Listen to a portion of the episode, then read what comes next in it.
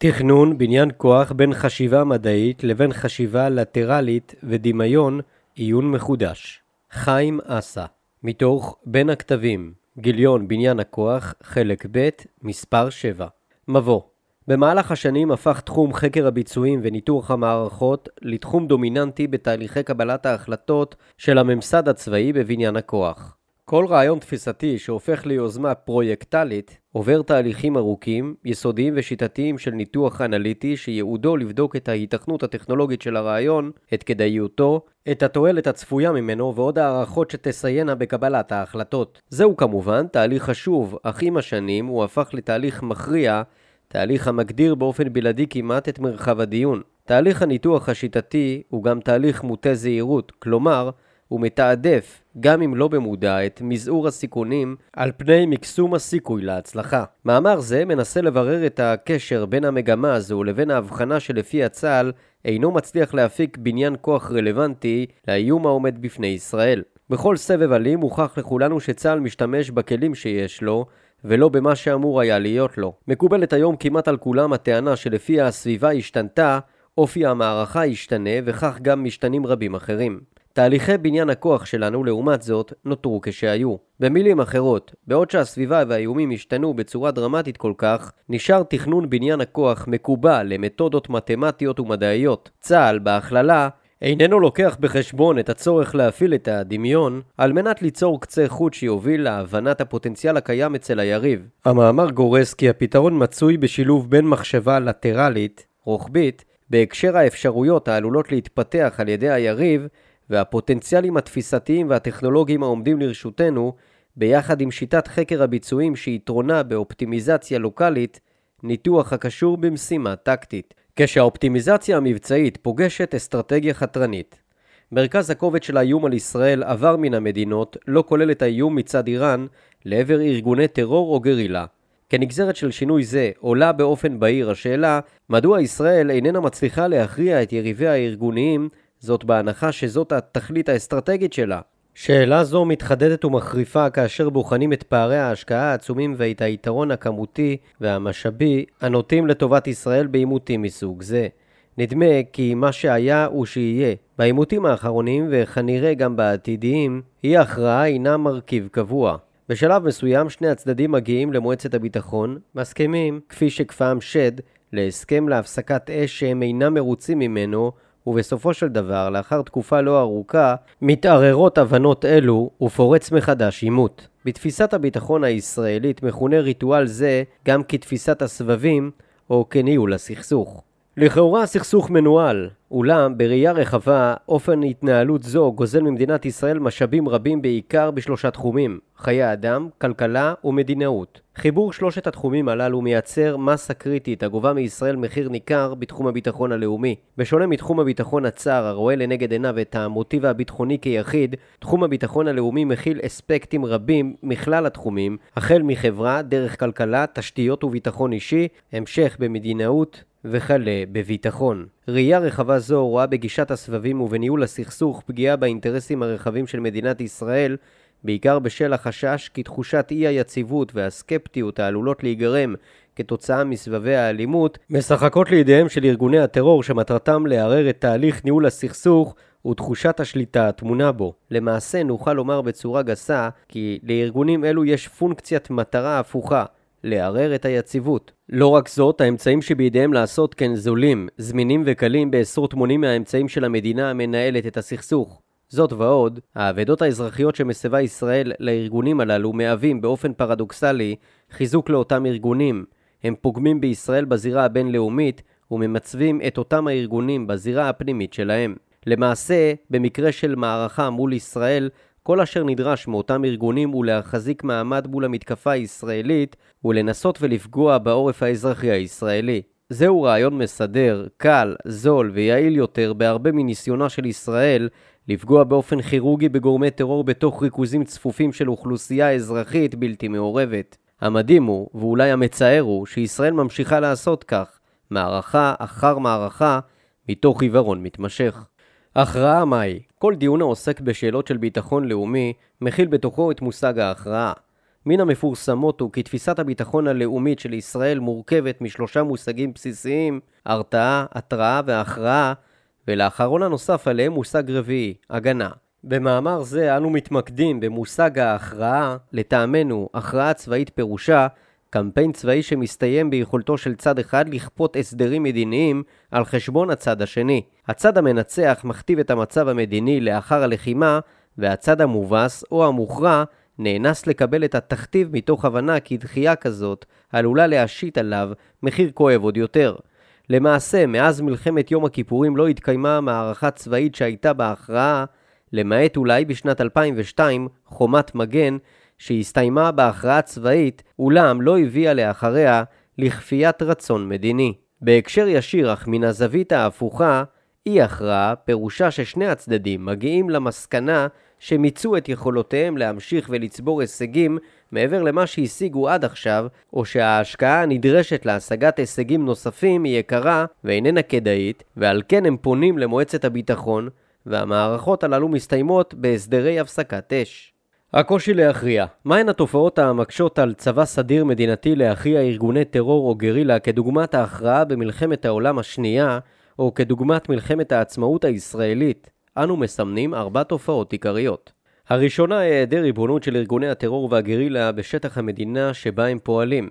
הם חסרי שדרה שלטונית ומרכזי כובד צבאיים ברורים המאפשרים זיהוי ופגיעה. עיקר יכולתם היא בגביית מחיר מן המדינה היריבה ובעיקר מן האוכלוסייה האזרחית של אותה מדינה. ארגונים אלו אינם מחפשים בדרך כלל לכבוש שטח לצורך הכרעת היריב המדינתי, אלא הם רוצים להמשיך ולשגר חימוש לעבר העורף האזרחי של המדינה, גם בשעה שמתנהל תהליך הסדרה של הפסקת האש במועצת הביטחון, והם שולטים ומחליטים מתי הם יפסיקו לגבות מחיר מן העורף המדינתי האזרחי. כך היה בשנת 2006, ההחלטה של מועצת הביטחון 1702 על הפסקת האש התאפשרה רק לאחר שנציג החיזבאללה בממשלת לבנון הסכים לכך, ורק לאחר שהחיזבאללה הבין שצה"ל עומד להיכנס אל שטח לבנון בסדרי כוחות גדולים. במצב הרעוע מהבחינה הצבאית שאליו הגיע הארגון לאחר שלושה שבועות של לחימה נגד ישראל, הוא העדיף להסכים להפסקת האש ולתנאים שישראל הכתיבה. השנייה, האופן האופרטיבי שבהם ארגונים אלו פועלים, היעלמות, הסוואה וירי מהיר גם לעבר העורף האזרחי וגם לעבר הכוחות הצבאיים, מקשים על כוחות הצבא הסדירים לפגוע בהם באופן יעיל ומהיר ולהביאם לידי מצב שיבקש לעצור את הפעילות. התופעה השלישית מקורה בראייה שונה את הנפגעים האזרחיים. מבחינת ארגון הגרילה או הטרור, היפגעות אזרחים מן הצד שלהם, אזרחי המדינה שבהם הם שוכנים או אזרחים השייכים לאותו ארגון, אבל הם בלתי מעורבים, איננה כישלון. זוהי דרך לגייס את אהדתם של אותה אוכלוסייה להזדהות עם הארגון ולהצגת המדינה היריבה כאויב משותף. התופעה הרביעית והאחרונה קשורה במוטיב האידיאולוגי המכונן והמניע את אותם ארגוני הטרור והגרילה. הם מנסים לממש יעד פוליטי באמצעות הפעולות האלימות, ועל כן, כל עוד אינם משיגים יעד זה, או שאינם מוכרעים באופן מוחלט, הם ימשיכו לדבוק באותו ערך מכונן וימשיכו להפעיל אלימות. לכן, גם הכרעה צבאית מקומית איננה מביאה להכרעה מדינית. ראו למשל את היעדרה של הכרעה כזאת אל מול חיזבאללה וחמאס, כאשר ניתן לראות ניסיון לעיצוב מדיני מולם, ללא הכרעה צבאית קודם, בשתי ההתנתקויות החד-צדדיות. השקעה לא מניבה נראה כי הדיסציפלינה התפיסתית שגרסה כי הכרעת צבא האויב תביא לכניעתה של מדינת האויב, איבדה מתוקפה בעשור האחרון בלשון המעטה. יחד עם זאת, נראה כי אין לקבוע מוקדם מדי את מותה. בתכנון בניין הכוח חובה לקחת בחשבון גם את האפשרות של חזרת האיום המדינתי לקדמת הבמה, ולא נוכל להסיר מקשת האיומים על ישראל את האפשרות שהתאוששות של סוריה, בעקבות הפסק האש למשל, תחזיר את צבאה הסדיר להוות איום על ישראל. מדינה חייבת לקחת בחשבון מגוון רחב של איומים. לאחר שאמרנו זאת, נחזור כעת לסוגיית ההכרעה ונחבר אותה לשאלת ההשקעה. קודם טענו כי הכרעה של צבא סדיר כרוכה בפגיעה במרכזי הכובד שלו והשמדה מערכתית של מערכות השדרה שלו, חיל האוויר, מערך השריון, ההגנה האווירית, הפיקוד והשליטה, ואף כיבוש והשתלטות על שטחים חיוניים. האמריקאים במלחמת המפרץ הוסיפו מערכת נוספת, מערכת השלטון ככזאת שפגיעה בה תביא להתמוטטות המדינה. הראיה הזו מורכבת ככל שהדבר נוגע לארגונים, הם חסרים את המבנה השדרתי, את קיומן של מערכות היררכיות, ואת הנוכחות של מטות ודרגי לוגיסטיקה. כתוצאה מכך נשאר לצבא הסדיר לרדוף את חוליות המשגרים או הגרילה שלו המאופיינות בחתימה נמוכה. הניסיון לשפר את יכולות המודיעין וקצבי סגירת המעגלים והספקי התקיפה מניב בדרך כלל תוצאות שאינן מספקות. זאת ועוד השתלטות וכיבוש שטח שבו פועלים אותם ארגונים לא יביאו בהכרח להפסקת הירי לעבר ישראל. בוודאי לא בטווחי הזמן שישראל מעמידה לעצמה על מנת לסיים מערכה מן הסוג הזה. בשל כל זאת, נוכל לטעון כי היקף ההשקעה בנפגעים, בתקציב, בפיתוח הנדרש מגוף גרילה או טרור כדי להשיג את התכלית האסטרטגית שלו, נמוך בהרבה מהיקף ההשקעה הנדרש ממדינה כדי לבלום, לנטרל או להכריע ארגון גרילה.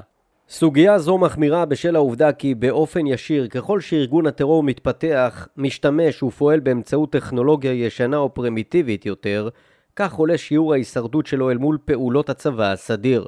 התמרורים המעופפים, רקטות הקסאם, מחיר הכנתם והשימוש בהם הוא אפסי אל מול השקעת העתק של ישראל במערכת כיפת ברזל. מחיר בניית המנהרות לחמאס, המהוות איום משמעותי כלפי ישראל, הוא זניח ביחס להשקעה הישראלית בפיתוח אמצעי נגד. שתי דוגמאות אלו מהוות המחשה למה שכנראה צפוי בעימות הבא, ארגוני הטרור והגרילה מעמידים במהירות יחסית ובמחיר זול אתגר אופרטיבי לישראל, הדורש ממנה השקעות בהיקף רחב יותר. היחס בין ההשקעה הנדרשת מן הארגונים בפיתוח מערכת בעלת יכולת הישרדות גבוהה שתיצור נזק משמעותי לישראל, לבין ההשקעה הנדרשת מישראל כדי לפתח מערכת שתנטרל את האיום הזה, הוא לפחות בשני סדרי גודל. למשל, אם לפתח מערך קסאמים עולה בסביבות עשרה מיליון דולרים, אזי ההשקעה הנדרשת בכיפת ברזל הינה מיליארד דולר, פער של שני סדרי גודל. הפער הזה יאפשר לארגונים לקיים משך לחימה ארוך מכפי שישראל רוצה. מרחב האפשרויות האופרטיביות של אותם ארגונים הוא עצום ואינסופי. פתרון סוגיית המנהרות או הרקטות יביא בהכרח את הארגונים לחפש מערך אחר, זול, יעיל ומהיר, שיכולת התגובה הישראלית אליו תימצא בסופו של דבר, אבל לאחר פרק זמן ארוך ובהשקעה גדולה. לא רק זאת, ההכרעה עצמה תלך ותתרחק גם במקרה זה. פער זה ידוע לארגונים, והם מסתמכים עליו ככזה שימנע מהיריב המדינתי להכריע אותם. הם ימשיכו לפעול בצורה הזאת, כל עוד ישראל תמשיך ותבנה את כוחה על פי הפערים שהיא מזהה, ושמתקשרים רק לתובנות שלה מן המערכות הקודמות, ולראייה שלה את המצב הקיים. כלומר, כל עוד ישראל תמשיך לקיים את בניין הכוח על פי הפערים בין הערכת המצב ליכולות הקיימות, הרי שהיא תמיד תאחד בפאזה אחת, או תימצא בהיסט תמידי אל מול יכולות האויב. בניין הכוח המדעי לעומת חשיבה לטרלית של מנהיג כנופיית רחוב. מתודולוגיית תכנון בניין הכוח בישראל מבוססת על הפער בין הערכת המצב האיום על ישראל אל מול המענה הקיים. את הפער הזה נדרשת המערכת הצבאית לסגור על ידי תכנון בניין כוח מתאים. היגיון סגירת פערים זה מכונה היגיון המינימקס. היגיון זהיר ומחושב, הגורס כי אין להשאיר אף פרצה ליריב ויש לבצע אופטימיזציה כמעט מתמטית לחלוקת המשאבים פר כלל הפערים. זו תפיסה שמקורה בתורת המשחקים. המינימקס מבטיח לנו שמבין התוצאות הגרועות לנו ביותר, נקבל את זו הפחות גרועה לנו. אלמלא היגיון זה עלולה הייתה להיווצר פרצה שכתוצאה ממנה נמצא את עצמנו נאלצים להתמודד עם אפשרויות בלתי נסבלות. לכאורה נראה כי זוהי חשיבה הגיונית ונכונה. למעשה היא מכילה בתוכה בעיה מובנית. אנחנו עושים אופטימיזציה על אירועים שכבר חווינו, או על סמך מודיעין חלקי שיש לנו על כוונות היריב. בעוד אנו מתכננים לחוויה שכבר חווינו, היריב תמיד מכין איום חדש וזול יותר, אשר פעמים רבות אנו מתייחסים אליו כאל קוריוז או דבר שאיננו רציני או מאיים. ההבדל בין מאיים ממש ללא מאיים נוגע בעיקר לאסטרטגיית השימוש של היריב, שבאה לידי ביטוי בדרך כלל בכמות השימוש ובאופיו. טילי הסאגר היו ידועים לצה"ל עוד לפני מלחמת יום הכיפורים. אופן השימוש בהם הפתיע את צה"ל. כך גם לגבי המנהרות. הן היו מוכרות לצה"ל כעשור לפני המפגש הקרבי עימן, אך הפיכתן על ידי חמאס לנכס אסטרטגיה, מנהרות רבות ושימוש התקפי, הפתיע את צה"ל. השימוש ברקטות ובטילים הוא דוגמה נוספת לכך. כבר בשנת 1991 שיגר סדאם חוסיין טילי סקאד לעבר ישראל. רבים מקרב ענף חקר הביצועים העריכו טרם המלחמה כי הוא לא ישגר טילים לעבר ישראל בשל חששו מתגובה ישראלית נחרצת. הם טענו כי הרווח הצפוי לו משיגור כמה חביות חומר נפץ, לעיתים אפילו ממולאות בבטון במקום חומר נפץ, לעומת התגובה הישראלית הקשה לשיגור שכזה, תמנע ממנו לשגר. בפועל, סדאם ירה לעבר ישראל 39 טילים. הוא עשה זאת כי הוא זיהה נקודת תורפה אצל ישראל, העורף האזרחי. טילי הבטון של סדאם לא אמורים היו לגרום לעשרות או למאות הרוגים. תפקידם היה לשבש את שגרת החיים של האזרחים, לפגום בתחושת הביטחון האישית ולהפריע לתפקוד רציף של המערכות הקיימות. בעיקר חשב סדאם חוסיין אמורים טילים אלה להניב לו רווח אסטרטגי בדמות ערעור הקואליציה המערבית שנלחמה נגדו ובדמות ליכוד דעת הקהל הערבית מאחוריו. הרעיון הזה הפך לנחלת הכלל ומסיבות דומות מצטיידים כיום הארגונים ברקטות וטילים רבים בעלי דיוק רב הנושאים חומר נפץ תקני. לישראל נוצרה בעיה חדשה הדורשת השקעות ענק. עד לפני כ-20 שנה היו לסוריה מספר עשרות טילי קרקע-קרקע. באותה תקופה החוקרים שעסקו בבניין הכוח דירגו את הבעיה הזאת נמוך בסולם האיומים. הם ראו ברקטות בעיה נקודתית שאולי בעתיד תתפתח לאיום משמעותי, אבל כעת יש איום נוכחי כבד יותר או מוחשי יותר שבו יש להשקיע. הראש הישראלי מונהג על ידי מכשירי חקר ביצועים והוא ילך אל הרציונל, השקעה במה שרואים בבירור. מה שהיריב עלול לעשות הוא בעדיפות נמוכה. הבעיה מצויה בדרך המחשבה השונה של היריב, ברציונל השונה שלו, הבחירה שלו תהיה במה שיפתיע את ישראל ויאלצה להילחם זמן ממושך, ללא הכרעה, עד שתגיע הפסקת האש הכפויה. חשיבתו של היריב איננה צבאית. זו חשיבה אדומה לחשיבה של ארגוני פשע ברמה השכונתית. שניים נכנסים לבנק, שניים אחרים מעסיקים את המשטרה, ואז כולם בורחים. אל מול סוג חשיבה זה מצויים מתכנני בניין הכוח, מושכלים ומוכשרים, המשתמשים במודלים מתמטיים שיוצרים אופטימיזציה הנשענת על צורת העימות אליה הורגלנו. גופי התכנון הללו אינם מסוגלים להיכנס לראשם של ראשי חוליות גנבים שכונתיות. פער עצום זה מתגבר כאשר מתבררים יחסי ההשקעה השונים הנדרשים מכל צד על מנת לממש את מטרתו. חמורה יותר היא העובדה כי אם שני נתיבי מחשבה זו ימשיכו להתקיים במקביל, אזי ידם של הגנבים תמשיך להיות על העליונה.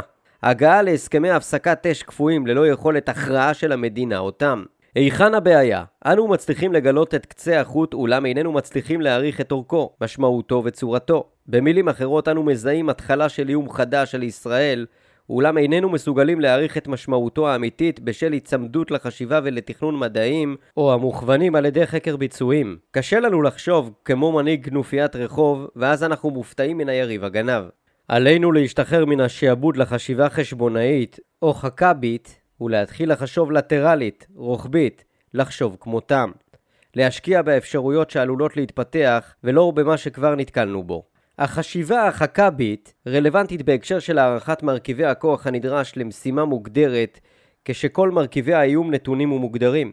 חוץ מכך, בתמונה הכוללת נדרשת חשיבה מסוג אחר, מחוץ לקופסה, העוסקת בצעד הבא של היריב, ומחליטה להשקיע כנגדו מראש. המחיר של הגישה הזו ברור, לאחר מציאת קצה חוט, יכולות להיווצר מספר פעולות הגיוניות של היריב שיחייבו השקעות רחבות כדי להבטיח כיסוי נרחב, כאשר במציאות רק ייתכן כי לא כולן תתממשנה.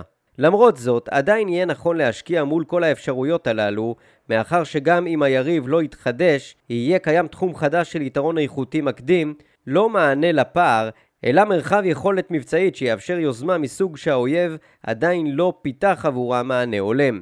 אם האויב כן יתחדש, אזי אופציה זו נלקחה בחשבון בתכנון בניין הכוח. התוצאה הזו היא מאוד משמעותית ויכולה אף להביא לידי הכרעה של היריב הארגוני. מאחר שמספר קצוות החוטים איננו גדול, השקעה זו תמיד כדאית. ההיגיון שאמור להנחות את החשיבה הוא כדלקמן כיצד היריב יכול להשתמש ביכולת החדשה שצצה ולמנף אותה לכדי פלטפורמה אסטרטגית שתביא מנקודת המבט שלו הישגים. המרכיב הראשון בהיגיון זה חייב לבחון את יכולתו של היריב להצטייד ולהכשיר טכנאים או מפעילים לאותה טכנולוגיה. ברור כי מאמצי המודיעין המדינתיים מכוונים בדיוק לנושא זה, אולם הנקודה הקריטית היא זו, גם אין מספיק הוכחות שאכן הפלטפורמה החדשה הופכת למרכיב אסטרטגי התקפי, אבל אם מותחים אותה לחזות, היא משרתת את חמאס או חיזבאללה, יש להתכונן מולה כאילו היא קיימת ויש לנסות ולהכשיל אותה מהר ככל הניתן. באופן קבוע, פרק הזמן הארוך שלוקח לישראל למצוא מענה לפיתוחים חדשים של אותם ארגונים הוא פרק הזמן שמאפשר לאותם ארגונים להחזיק מעמד, להתחמק מהכרעה ולהביא לידי מצב שבו ישראל תעדיף הפסקת אש. יכולתו של היריב הארגוני להפתיע ולחדש עשויה להיות חרב פיפיות כלפי עצמו אם בניין הכוח הצה"לי יצמצם מעט את דומיננטיות הגישה המדעית הישנה בתהליכי התכנון שלו. לא לכל תהליך בניין כוח והשקעה צריכות להיות הוכחות פיזיקליות ומודיעיניות מוצקות בנוסח דיני הראיות הפליליים. האויב אינו זכאי עד שהוכחה אשמתו וטיבו שהוא יממש כל הזדמנות טכנולוגית כדי להרע לנו יותר ללא עקבות ארגוניות וללא הליכי צמצום סיכונים ובדיקות התכנות. למחשבה ולדמיון יש מקום משמעותי ויש להפיק מהם ערוצי השקעה בבניין כוח למרות שלמדנו כי יש הכרח בקיום הוכחה ממשית יסוד כל המדעים פרט למדעי המלחמה. במלחמה יש מקום למחשבה לטרלית שבדרך כלל גם מנצחת. סיכום השקעה מול מרכיב חדשני שאמור היה להיות הפתעה של האויב היא בעלת ערך אסטרטגי גם אם יתברר כי ישראל השקיעה גם בנתיבים כוזבים. יכולתה של ישראל לנטרל את היריב מיד בתחילת המערכה היא בעלת משמעות עצומה גם ליכולתה להכריע אותו. האפשרות לעשות כך איננה מצויה בתהליכי בניין כוח הנשענים על חקר ביצועים, אלא בתהליכים הממסדים את היכולת לדמיין ולחשוב כמו הצד השני. העוסקים בתהליכים אלה נדרשים לסגל לעצמם צורת חשיבה שבבסיסה ההבנה עמוקה של היגיון המערכת היריבה, היגיון של מנהיגי כנופיית רחוב או של גנבים. הם נדרשים לשים לנגד עיניהם את האופן שבו ארגונים החושבים כמו כנופיות רחוב רואים את ההצלחה שלהם במערכה אל מול המדינה. קיים דמיון רב בין העולם החדש הזה לבין עולם הסייבר. הערכות מה היריב עלול לבצע מתאימות יותר לפצחנים, האקרים, מאשר למשכילים מן האקדמיה. הכלי החשוב של חקר ביצועים חיוני לתהליכי בניין הכוח, אך הוא אינו הכלי האופטימלי והרלוונטי להקשר האסטרטגי והאופרטיבי. יש לצמצם את ההסתייעות בו לתחום של משימה מוגדרת, שרוב ממדיה מוכרים.